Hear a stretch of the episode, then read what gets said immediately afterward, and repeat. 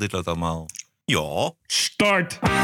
This is the TPO podcast. Alcoholconsumptie Baudet berucht in de Tweede Kamer. Het enige wat de heer Baudet doet is hier een debat aanvragen, een filmpje knippen en weer rosé gaan lopen drinken. D66 valt in heel Nederland buiten het provinciebestuur. Daar zit D66 helemaal niet bij. Die is daar dus door de kiezer eigenlijk uitgewerkt. Dit en meer in aflevering 446. Ranting and Reason. Bert Bresson, Roderick Phalo. This is the award winning TPO podcast.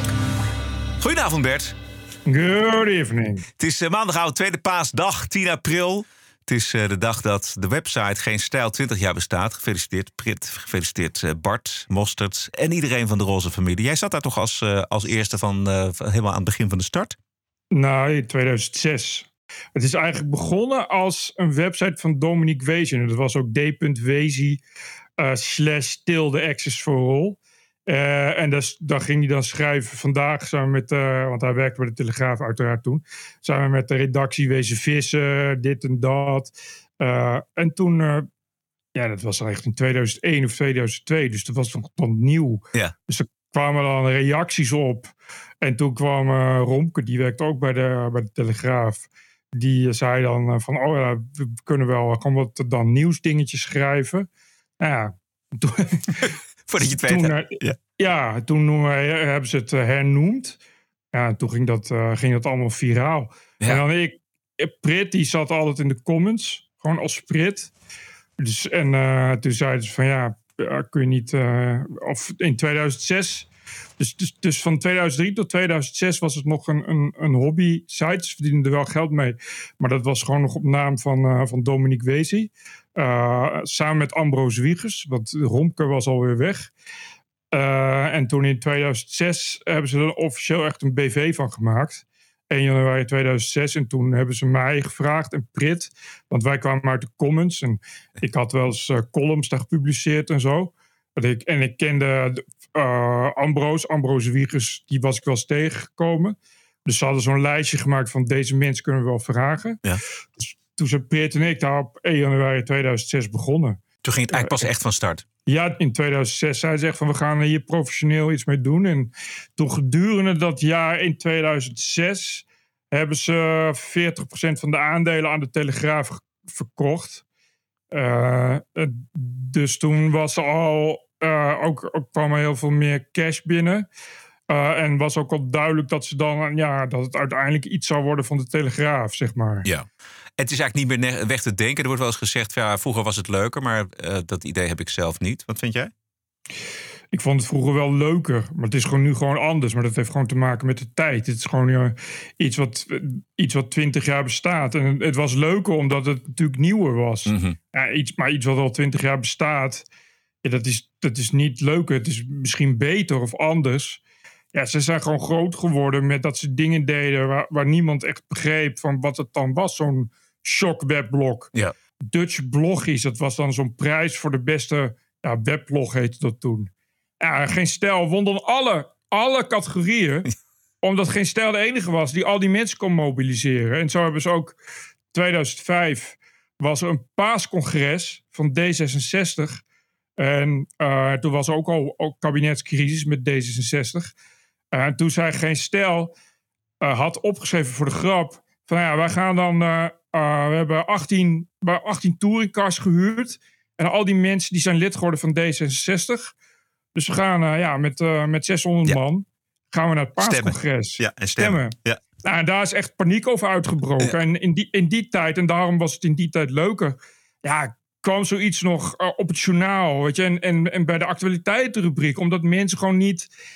Het was gewoon, het was zoiets nieuws, Ja. die invloed. Ja. Dat, dat, dat bestond gewoon niet. En nou ja, dat was gewoon grappig. Ook dat je gewoon, als, als we dan naar iets verwezen, dan, uh, ja, meestal ging het dan naar een uur stuk. Omdat, uh, ja, Ja. Hadden een keer uh, Freek de Jonge, en dat was een, een, een- die had, en het ging over Hella de Jonge, hè, maar daar hadden we een van een stukje van gemaakt en een link naar die site. En die tijd had je gewoon nog, hadden mensen nog een gastenboek. Dan kon je een bericht achterlaten. Dat was toen nog een gastenboek. Maar ja, mensen hadden in die tijd websites die waren bedoeld voor vrienden en familie. Dus dan kwamen er in één avond 30.000 van die, van die anonieme geen stelpubertjes kwamen aan die Hella de Jonge voor hoer uitschelden, weet Ach, ik veel wat. ja. Weet je, en nou ja, dan werd je gebeld door Freek de Jonge. Weet- en, en dan werd dat weer, werd het weer een hel. En ik weet, Dominique had een keer, die had natuurlijk connecties. Eh was een voetbalwedstrijd, een belangrijk voetbalwedstrijd. Ik weet niet wat, want ik heb niks met voetbal. Maar in elk geval een voetbalwedstrijd waar heel Nederland naar keek. En die had voor echt heel weinig geld, ik geloof iets voor 8000 euro. Had hij die, je, van die lichtreclames aan de zijkant, weet je wel? Ja. Van die wisselende bannerreclame. Ja, daar had hij gewoon eh, het logo van Geen Stijl en Geen Stijl. Had hij ingekocht. Ja. Ja, er zijn natuurlijk eh, 8 miljoen mensen zagen dat tegelijkertijd. ja, dat is natuurlijk groot. Ja. Ja, Ja. En, dat, en dat is. Ja, dat, dat is nu niet meer. Waarom niet? Ja, omdat het internet natuurlijk volwassen is geworden. Niemand heeft nog een gastenboek. En iedereen hè, is, is zich nu bewust van de invloed die je hebt. En, noem ik, en, en kijk, die invloed heeft geen stijl niet meer. Dat je Nee, dat zo waar. vernieuwd. Ja. Maar wel, nou, ze hebben natuurlijk 2015 dat, dat referendum. Ja, zeker. eh, Samen dat associ-. Ja. associatieverdrag. Ja, dat ging behoorlijk ver. Maar sowieso vind ik het nog steeds eh, een, een plek hebben in het medialandschap. Omdat er altijd op een andere eh, manier naar de actualiteit wordt gekeken. Er wordt altijd. Da- ja, dat sowieso. En, en dat is een, natuurlijk een zegen voor de Nederlandse media en voor de, voor de nieuwsconsumenten. Ja, dat sowieso. En het, het gaat ook nog goed, begrijp ik. Ik bedoel, Ja. Ik weet het niet, maar, maar het feit dat ze nog bestaan moet genoeg zeggen. Want er werken natuurlijk best nog wel of veel mensen. Maar dat zijn toch vijf fulltime betaalde redacteuren. Dus die moet je maar wel kunnen betalen. Kijk, geen heeft natuurlijk heel veel betekend voor de mainstreaming van ja, wat toen hè, het rechtse gedachtegoed was. Want het was natuurlijk nog eh, ja, net, na, net na Fortuin. Eh Theo van Gogh leefde nog, zou ik maar zeggen. Ja.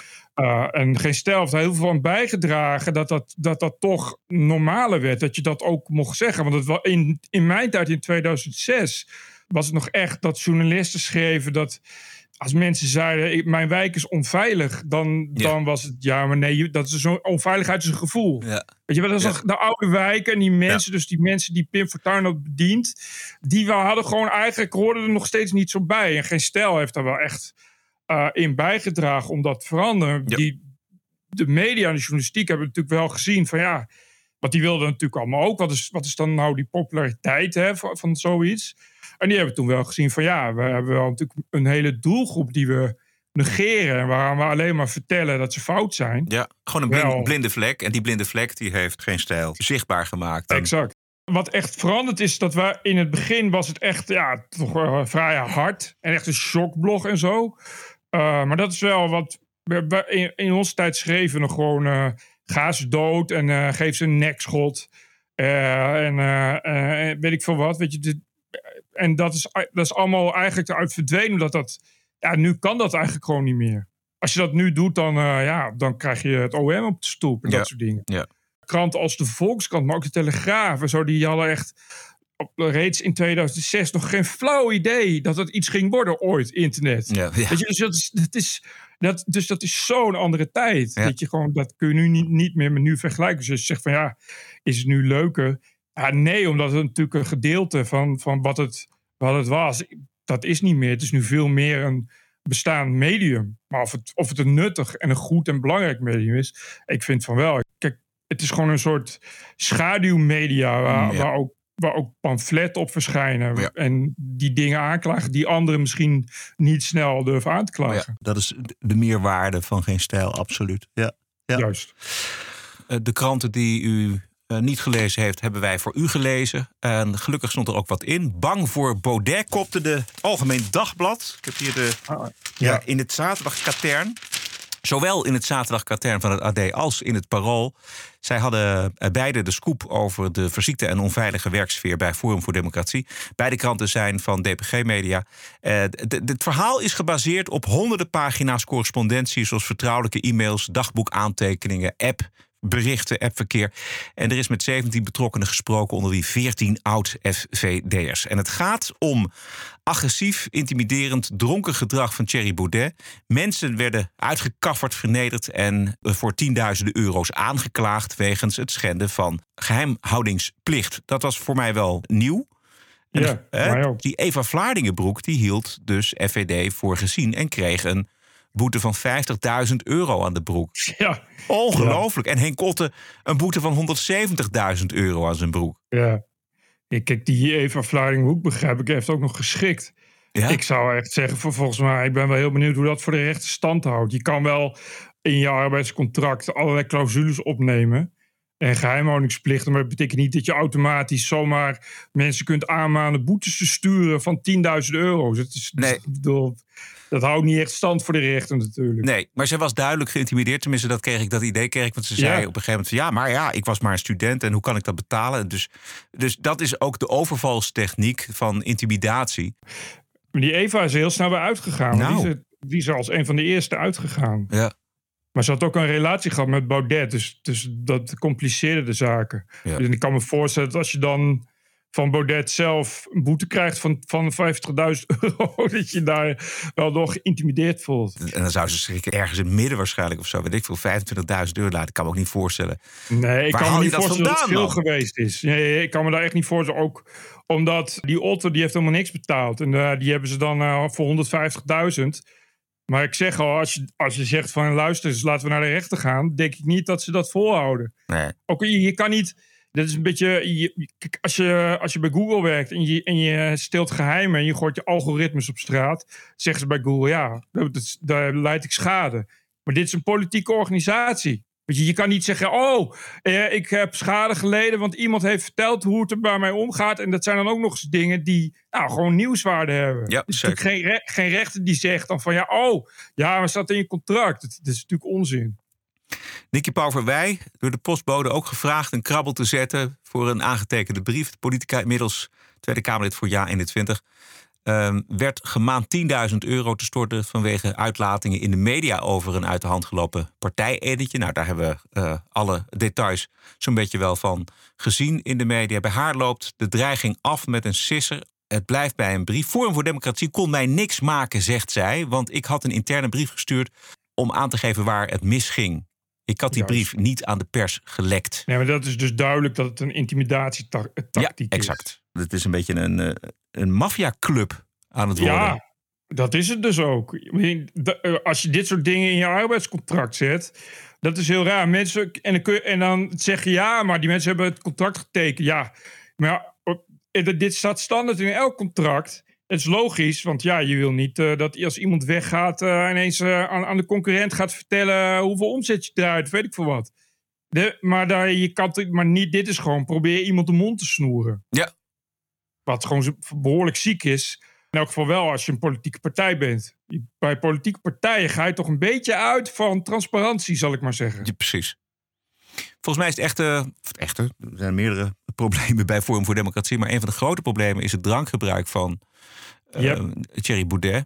Eh, wat hij zelf ook heeft onderkend. Hij heeft namelijk geroepen: Ik stop met drinken nu echt geen foute teksten meer, geen gelul meer. Dus hij merkt echt dat dat, dat, dat misgaat dan. En de voorbeelden die in dat stuk worden genoemd, eh, vind ik toch ook wel heel ernstig. Weet je wel, dat typisch dat Ja, op, op een minder dan een meter afstand van medewerkers gaan staan en gaan schreeuwen en gaan intimideren. En dat drankprobleem is al vaker aan het oppervlak gekomen. Volgens mij weten de collega-Kamerleden dat ook. Dit is een Ja. poging van Baudet om een Kamerdebat aan te vragen over een rapport van de G7. Let op Renske Leijten helemaal op het eind. Hier is het document, 25 pagina's, met wat de G7, dus de grote landen, wat die met elkaar hebben afgesproken, wat er moet gebeuren. Het is ongelooflijk. Dus wij moeten daarover spreken. Dit is een ontzettend groot en belangrijk onderwerp, dus ik wil daar op korte termijn, dus voor de zomer, een debat over. Met de minister-president. Met de minister-president. Ik help u even. Ehm, het woord eh, is aan de heer Koesou. Ja, voorzitter, heel belangrijk zo'n G7-summit. Wij- Maar wij hebben in, het- in deze Kamer hebben we ook overlegorganen die heel belangrijk zijn. En één daarvan is de Raad Buitenlandse Zaken. En dat is morgen om twee uur. Het is dan wellicht niet de minister-president, maar de minister van Buitenlandse Zaken, mevrouw Kaag.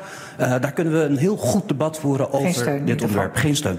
Eh, mevrouw van der Plas. Ja, dank u wel, voorzitter. Op het gevaar af dat we allemaal weer in een filmpje terechtkomen van eh, eh, Forum voor Democratie. Dat dat wij als Kamer weigeren hierover te spreken. Want dat is de vorige keer ook gebeurd. Uh, zeer kwalijk, want er zijn hier duidelijke argumenten gegeven waarom niet op dat moment een debat uh, werd gehouden. Uh, op het gevaar af um, geef ik nu ook weer geen steun. En waarschijnlijk worden we weer allemaal als grote weigeraars op het Twitter-account van Forum gezet. Of op het Twitter-account van de heer Baudet. Maar dan doe ik hem ook bij deze een oproep. Of hij dan ook even een filmpje plaatst van iedereen die hier geen steun heeft gegeven. Met de onderbouwing waarvoor. En dat er morgen een, uh, gewoon een debat is waar u bij kunt zijn. Dit is gewoon een onzinverzoek. Het enige wat de heer Baudet doet is hier een debat aanvragen, een filmpje knippen en weer rosé gaan lopen drinken. Ja. ja, het was algemeen bekend. Maar dat is ook in de media gekomen, volgens mij. Dat, uh, dat, dat de medewerkers van, uh, van de Kamer uh, last ook hadden. Van, van de fractiekamer, van Forum voor Democratie. Oh, ja. ja. het is ook duidelijk zichtbaar af en toe bij ja. Baudet. Ja, dit... bedoel, je kan daar niet omheen. Nee, precies. Uh, ik kan me inderdaad misschien, doe je daarop dat het in coronatijd dat daar uh, bezwaar werd gemaakt over dat zij in één ruimte zaten en dat dat inderdaad een enorm drankgelach was. Ja, precies. Doe. Dat waren kamermedewerkers die daar dus, die moeten de boel opruimen en weet ik veel wat. Ja. Uh, en die hadden daar, kregen daar echt problemen mee op den duur. Ja. Wat je hier hoort is ook dat je eigenlijk van Caroline van der Plas tot en met Kuzu tot en met Renske Leijten gewoon eigenlijk niemand Baudet nog serieus neemt. Nee, dat is standaard zo. Ja. Een motie van, van FVD om Willem Engel menswaardig te behandelen. Wat echt de meest zinloze motie is. En daar is, eh, de enige die daarvoor is, is FVD. Nog één voorbeeldje over het drankgebruik van Baudet. Jaar geleden kwam Baudet volgens een taxichauffeur en omstanders dronken aan bij het gebouw van de Tweede Kamer. En dat uh, filmpje staat voor een deel op YouTube. Zou, hij zat een stukje van Jensen te kijken. Hij liet geloof ik 27 keer zijn telefoon op de grond blazen. nou, dan ben je lam hoor. Ja, dan ben je zeker lam. Dan ben je lam. En dan gaat hij naar de kamer in. Ongelooflijk. Weet je wat, er, uh, hebben ze een debat dan? Ja, het is ja. zijn laatste, het is zijn laatste dag. Bizar toch? Ja. Niet. mag toch niet naar binnen dan? Nee, lijkt me ook niet. Als wij, als wij dronken op ons werk gaan, dan uh, zijn we ook gelijk te denken. Ja, Bizar dit. Wat je ziet is uh, Baudet die uh, probeert af te rekenen bij de taxichauffeur. Freek Jansen staat daarachter. En hij, dat duurt eindeloos lang. En hij is dus blijkbaar uh, totaal bezopen en laat dus voortdurend zijn telefoon vallen. Ja, het is wel. ik denk wat in het artikel stond, dat het gewoon klopt. Dit is ook ja. wel de sfeer binnen FVD. Het is een beetje, begrijp ik is dat mensen, dat hij of heel, heel leuk was of, of heel evil. En dat is toch een beetje, beetje bipolair klinkt dat allemaal. Ik begrijp ook van, van de mensen die ik ken die daar hebben gewerkt. Drank was echt, echt een ding. Maar wel, dat is wel opvallend en dat is ook in het stuk. Uh, ja, nooit drugs. Nee, nee, nee. Geen cocaïne of wat dan ook. Ja, nee, het, de mensen die, die ik spreek zeggen ook allemaal... ik heb dan nooit, nooit een korrel drugs gezien. Maar wel drank, dus altijd, overal. Ja. ja. ja. Zoals ik begrijp, en ook wat ik net weer hoor van die taxichauffeur, als je op deze manier zoveel drank gebruikt, dan, ja, dan kun je niet heel lang goed functioneren. Nee, en hij verdrinkt natuurlijk iets. Hè? Mensen met deze hoeveelheden, die, die, verdrinken iets. En die verdrinken, weet ik veel, eh, dat ze toch nog worden tegengesproken... of dat de peilingen slecht gaan, of dat hij Precies. Uh, toch nog moet geloven in zijn eigen gelijk. Dus dan, uh, als je daar nou ja, flink wat in, ingooit... Dan, dan ga je weer geloven dat je het toch bij het rechte eind hebt misschien. precies. Ja, maar ja, goed, hij is ook vader. En, dat zou ik dus ook te denken. Ik denk wel eh, dat als je net een kind hebt, is misschien een idee om eens te gaan denken om, je leven te beteren op een bepaalde manier. Maar ja, je weet hoe het gaat. Je vertelt een alcoholist dat hij alcoholist is en hij zegt dat hij alleen maar op vrijdagmiddag uh, twee biertjes drinkt, weet je. Dus ja. Gaat dit nog eh, gevolgen hebben, denk jij, voor Forum voor Democratie? Die partij bestaat toch uit 60.000 leden? Dat moet toch iets op een gegeven moment toch ook misschien uh, Ja, maar die leden, ja? ja, maar die leden hebben er geen last van. Baudet heeft natuurlijk iedereen die ook maar iets tegen hem in durfde kon brengen, al lang geleden uitgebonjourd. Dus, dus hij heeft alleen nog dat kringetje. En dat, uh, ja, die, die, die marmot is, is, ook, uh, is ook een alcoholist. Oh ja?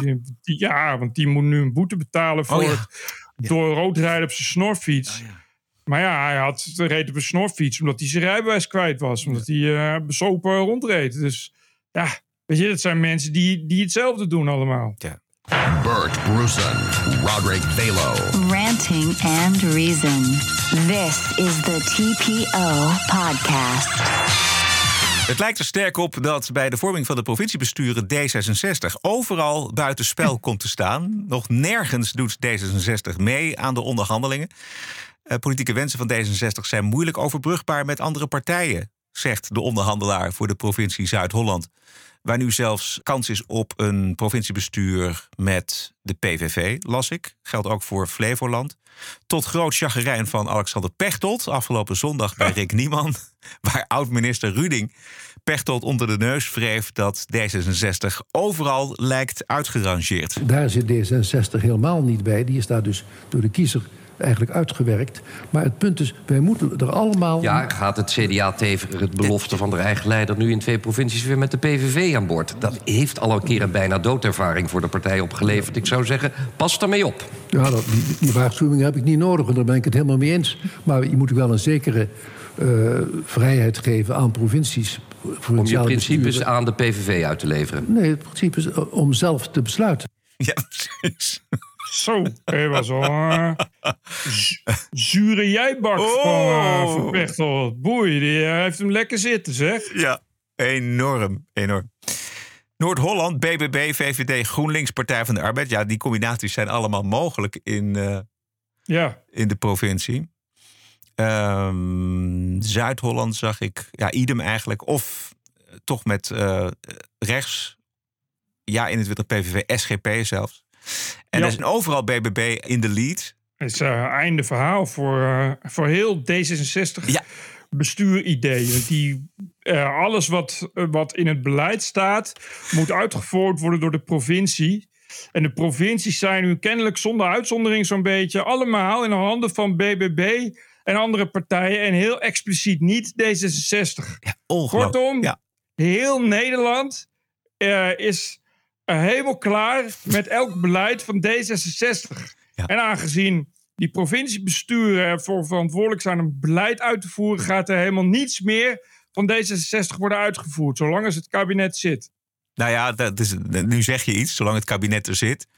Ja. Uh, heeft natuurlijk D66 wel degelijk nog een, uh, een vinger in de pap. Uh, ja, maar goed, de, ja. je kan dat lekker, je kan dat dan eeuwig gaan rekken. Kijk, D66 zitten puur en alleen, alleen maar voor stikstof. Ja. Ja, nou, dat is, we hebben nu uh, straks twaalf provinciën die allemaal iets totaal anders willen met stikstof ja. dan D66. Ja. Uh, nog iets anders wat ik wel aardig vond was om te zien dat in Groningen en Drenthe uh, er bijvoorbeeld wel met de Partij van de Arbeid, maar niet met Ja. GroenLinks wordt onderhandeld. Dat is ook opvallend, vind je niet? Nou, die zag je aankomen. Ik bedoel, dat is, maar daar goed, daar hebben, hebben uh, toch heel veel mensen voor gewaarschuwd. Dat was het grote gevaar van die lijstverbinding. Van ja, allemaal leuk nu en aardig, maar de bloedgroepen zijn zo verschillend dat op het moment dat je moet gaan regeren, dan kun je elkaar niet meer vasthouden. Dus wat doen ze? Het eerste wat ze doen is, is dumpen, want honger naar de macht. Ja. De, en ja, als, je dat, als dat nog een paar keer gebeurt, is het, is het verder alweer helemaal einde uh, lijstverbinding. Je, je, hebt dan, welke provincie was dit? Groningen? Uh, dit was, even kijken, waar, waar, je bedoelt waar Partij van de Arbeid en GroenLinks uit elkaar zijn gespeeld, zullen we maar zeggen. Ja. Dat is Drenthe, Groningen, Limburg en Friesland. Wat natuurlijk problematisch is, als, je, als mensen op jou als lijstverbinding hebben gestemd, dan kun je niet met elkaar in de oppositie gaan. Ja. Of tegen elkaar in gaan werken. Nee. Nee, maar dan hebben ze dus aan één genoeg. Dan zeggen ze, nou ja, we, kunnen, we hoeven niet zowel en Partij van de Arbeid als GroenLinks, want dat maakt hen alleen maar machtiger. Dus we zijn, uh, ja. we, we, hebben genoeg aan of alleen Partij van de Arbeid of alleen GroenLinks. Kijk, voor BBW heeft dat heel slim gespeeld. Dat is wat je zegt, die hebben dat uit elkaar gespeeld. Ja. Maar dat is voor die partijen een behoorlijke klap, ja, omdat je hebt uh, aan, aan, de kiezer jezelf aangeboden als verbinding. En nu heeft die kiezer gekozen en is die verbinding ineens weer weg. Ik ben begonnen in dat boek van Arnoud Jaspers, Stikstof Fuik. Oh ja. Ja, dat is toch wel een, uh, een boeiend boekje, moet ik zeggen. Er was vandaag veel te doen op Twitter over dat uh, Chris Alberts het boek had gelezen en daar eigenlijk uh, onverwacht en nou ja, onverdeeld positief over was. Nou, voor, voor Chris Alberts positief is wel, uh, Ja. wel wat waard, ja. Ja, precies, ja. Ook omdat het natuurlijk, eh, ja, heeft nogal wat aan te merken op BBB. En dit is eigenlijk wel een Juist. beetje wat eh, BBB eh, ook zegt. Maar wat even, ik zal even, iedereen moet het maar lezen, want het is helemaal geen duur boekje. Arnold Jaspers, de stikstoffuik. Maar wat onder andere interessant is, ehm, wat ik las, was dat er bijvoorbeeld helemaal geen verschil was in het originele plan, in de, in de stikstofaanpak, eh, tussen ehm, tijdelijke stikstofuitstoot en permanent. En om een voorbeeld te geven, dus het bouwen van een windmolen eh, levert stikstof op, maar op den duur is er natuurlijk minder fossiele brandstof nodig, waardoor die windmolen zorgt dat er minder stikstof ook wordt uitgestoten. En dat, dat verschil tussen permanent en tijdelijk, dat zat er helemaal niet in. Dus daar, dat is een van de redenen waarom de boel zo op slot is komen te zitten. En het is een mooi voorbeeld van hoe het ook inderdaad een echte fuik is. En hoe dat stikstof als onderwerp bepaald en bestuurd wordt door politieke partijen, natuurmonumenten, eh, milieudefensie, dat soort Juist. mensen. Ja, en, ja, ik heb dat boekje niet gelezen en ik weet er te weinig vanaf. Maar ik, ik geloof direct dat het natuurlijk veel meer nuance mogelijk is. En veel meer, eh, dat je er veel meer mee kan doen dan dat D66 en het kabinet zo nu stellen. Hetzelfde zien natuurlijk bij klimaat. Windmolens en zonnepanelen. Ja, dat is de je- oplossing. Ja, Ja, dat is de oplossing. Je kan het ook met kernenergie ja doen. exact. Het is of die ene kleine oplossing, of, of we gaan er allemaal aan. En dat is bij stikstof ook. Als er nu niet alle boeren uitkomen, kopen, dan is overmorgen de hele Hoog Veluwe weg. Ja, ja. Weet je wel? Ja, en dat is Ah. pertinent niet het geval. Het wordt geframed en het wordt dus ideologisch gebruikt. En dat is wat je leest. En dat vind ik ook de prettige manier van schrijven van deze Arnold Jaspers. Die ehm, eigenlijk ja, puur heel feitelijk, en hij weet er wel veel vanaf, heel feitelijk opschrijft wat eh, de stand van zaken is. Zowel eh, op het gebied van stikstof als op de- het gebied van politiek en, en de rechtszaken, et cetera. Dus dat is eh, ja, super interessant. En Chris, heel veel sterkte en eh, verder geen eh, fuck them. Gewoon al die mensen die bovenop hem als hyena's bovenop hem springen. Chris Alberts is wel wat gewend. Dat is ook zo, ja. Inmiddels. Bovendien, die doet het erom. Maar maar die, die kan het wel. Maar het is, als hij het dus positief vindt, dan eh, ja, dat betekent wel echt wat.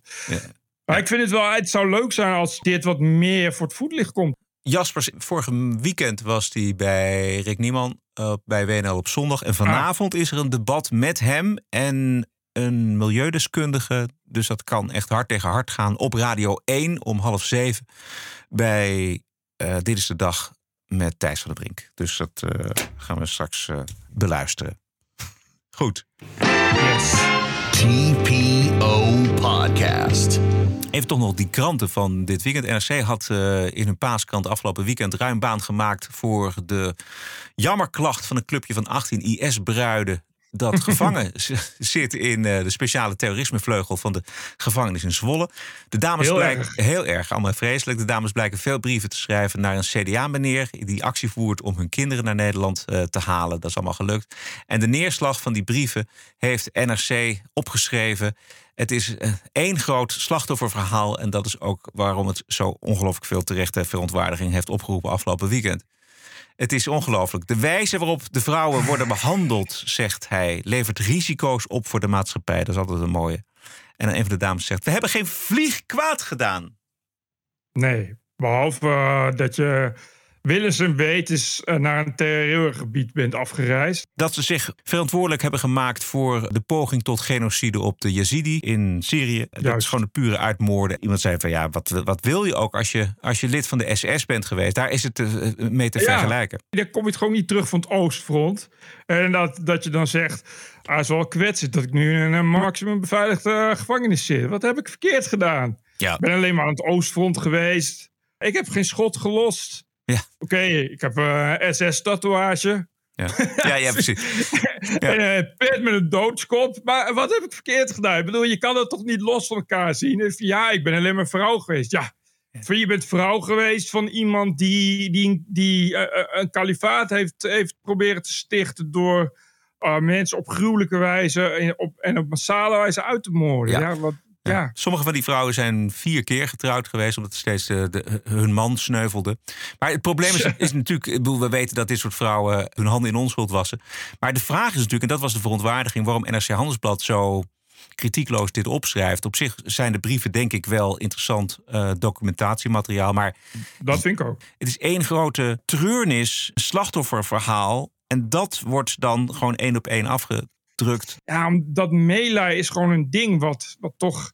Ja, uh, het zijn toch, toch, toch typische linkse liberals die... Ja die daarover schrijven. Ja. Dat, is toch ook, dat is ook een knakker van Nieuwsuur die dat boek heeft geschreven over die Laura H. Waar, waar, waar God beet het zelfs een musical van is gemaakt. Ja. ja, dat heeft toch. Daar, en dat gaat alleen maar over hoe zij toch het slachtoffer is. En vooral het slachtoffer is geworden. Ja. En hoe, hoe gemeen mensen dan zomaar doen dat ze jou zomaar opsluiten. Ik bedoel, ja. Ze verliezen dan hun nationaliteit, hun Nederlandse nationaliteit. Als ze vrijkomen, hebben ze dus, uh, kunnen ze niet meer werken, kunnen ze niet meer studeren. is er geen zorgverzekering meer, hebben ze geen BSN-nummer. En dan wordt er gezegd, maar naar Afghanistan, het land dat ze op haar zevende ontvlucht, daar kan ze ook niet naar terug. Ze schrijft, wat is dan het verschil tussen dit en de actie van de Taliban die vrouwen verbiedt te werken en te studeren? Ze wil toch een kalifaat? Ja, dat is Afghanistan. Ja, wat, wat, wat, is, wat is nou het probleem? Ja, exact. Daar kan ik niet werken en studeren. Dat is, dat is wat je wilde. Ja. Je bent getrouwd met een man. En je trouwde notabene speciaal met hem. Omdat je wist dat hij een kalifaat wilde stichten. Dan weet je toch hoe vrouwen er aan toe zijn. Ik snap het probleem niet. Wees blij. Ja. Ik zou hem ik zou, um, echt met beide handen de kans aangrijpen naar Afsta Afghanistan te gaan. In haar geval. Wat is er leuker dan een van de 16 vrouwen van uh, Mohammed Mokhtar te worden. En de rest van je leven met een doek over je hoofd alleen nog maar naar beneden te kijken. Ja. Dat is wat je wil. Dus wat is het probleem? We hoorden toch weer slaande deuren bij de Volkskrant. Hm? De, de ombudsman Jeroen Trommelen is uh, voortijdig met ruzie vertrokken. De ombudsman Met ruzie, ja? Met ruzie, ja. Dat wist ik niet. De ombudsman bespreekt elke week principiële en ethische kwesties in de krant. En hoofdredacteur Pieter Klok die wilde niet dat de pensionering van een andere collega in de rubriek werd aangekondigd zonder die collega op de hoogte te stellen. En de ombudsman uh, Trommelen die schreef de collega wel op en Klok haalde het er weer uit. En Trommelen liep boos de redactie af, vermoedelijk op weg richting zijn eigen pensionering. Ja, is het, wist je dat niet? Oh, Ja. nee, dat is Ja. wat sappig. Ja. wel smullen, zeg. Ja, ja. Oh, dat is wel. eh, ik las wel dat eh, die Piet Klok schreef. Toevallig las ik zijn hoofdredactioneel commentaar. Dat, eh, dat eh, die nu helemaal geen ombudsman Ja, meer wil. nee, dacht, dat- en ik dat dacht al van, huh, Ja. dat is al een breuk met de traditie. Maar die is natuurlijk eh, pissig tot en met. Die, denkt van, eh, flikker nou maar op met al die ombudsmannen. Ja, voor de mensen eh, die het niet weten. Joon Trommelen was ooit redacteur bij de Volkskrant... en is eh, lid van GroenLinks en kandidaat voor eh, die partij in Broek in Waterland geweest. Ook nog steeds. Slaande deuren bij de Volkskrant.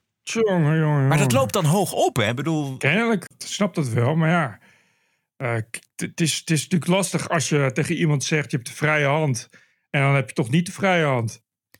Ja, Nee, nee, maar ja, als het gaat. Ja, ik ben dan benieuwd om de, de pensionering van wie het gaat. Maar dat, dat krijgen we dan niet eh, te lezen. Dat het althans nog niet. Ik vind het wel terecht dat je daar als hoofdredacteur dan op een gegeven moment zegt: van nou, we moeten nog met die persoon praten over, over dienstpensionering. Eh, dat vind ik ook. hou hem er even buiten. Maar ja, het is natuurlijk- pijnlijk voor zo'n krant, omdat het dus naar buiten lekt. Ja. En mensen daar een eigen beeld bij gaan vormen. Dan wordt het niet leuker van. Nee. Nou ja, voor, in elk geval niet voor, voor Pieter Klok. Nee. En die wil natuurlijk straks ook wel eh, iets, eh, iets hoogs bij de uitgeverij eh, van, van Tillo doen. Als dank voor al die jaren de Volkskrant vermarkten tot een eh, zachtzijdig eh, wijvenblaadje... waar steeds minder in staat en steeds meer links gelul. Ik las dat er meer dan 55 columnisten en cartoonisten zijn in de Volkskrant. 55? 55! Jezus, Mina. Dat las ik dus in, volgens mij, in de column van eh Jeroen Trommelen. Oké. Hoe dan ook. Eh, ik begrijp nu wel, overigens, dat schreef hij, dat, eh, dat ze daar wel over aan het denken zijn om dat toch een, keer iets, iets te, eh, terug te draaien. Ja. Omdat het inderdaad. Maar het is overal zo. Ik word er knettergek van. Ja. Het is alleen maar opinie, opinie, opinie, opinie, opinie. Ja. En Ja. steeds minder feiten, feiten, feiten. Het is elke, je, je ziet ook echt dat feiten worden ingeruild voor opinies. En eh, ja. En analyses met een vraagteken. Dat, dat, eh. Daar word ik helemaal gek van. Van al die, die, die kranten die dan koppen Oh. met een vraagteken. Vreselijk. Nou, dat, dat vind ik echt. eh, ze hebben bij Volkskrant is dat, die, altijd die economiestukjes. Peter de Waard. Ja.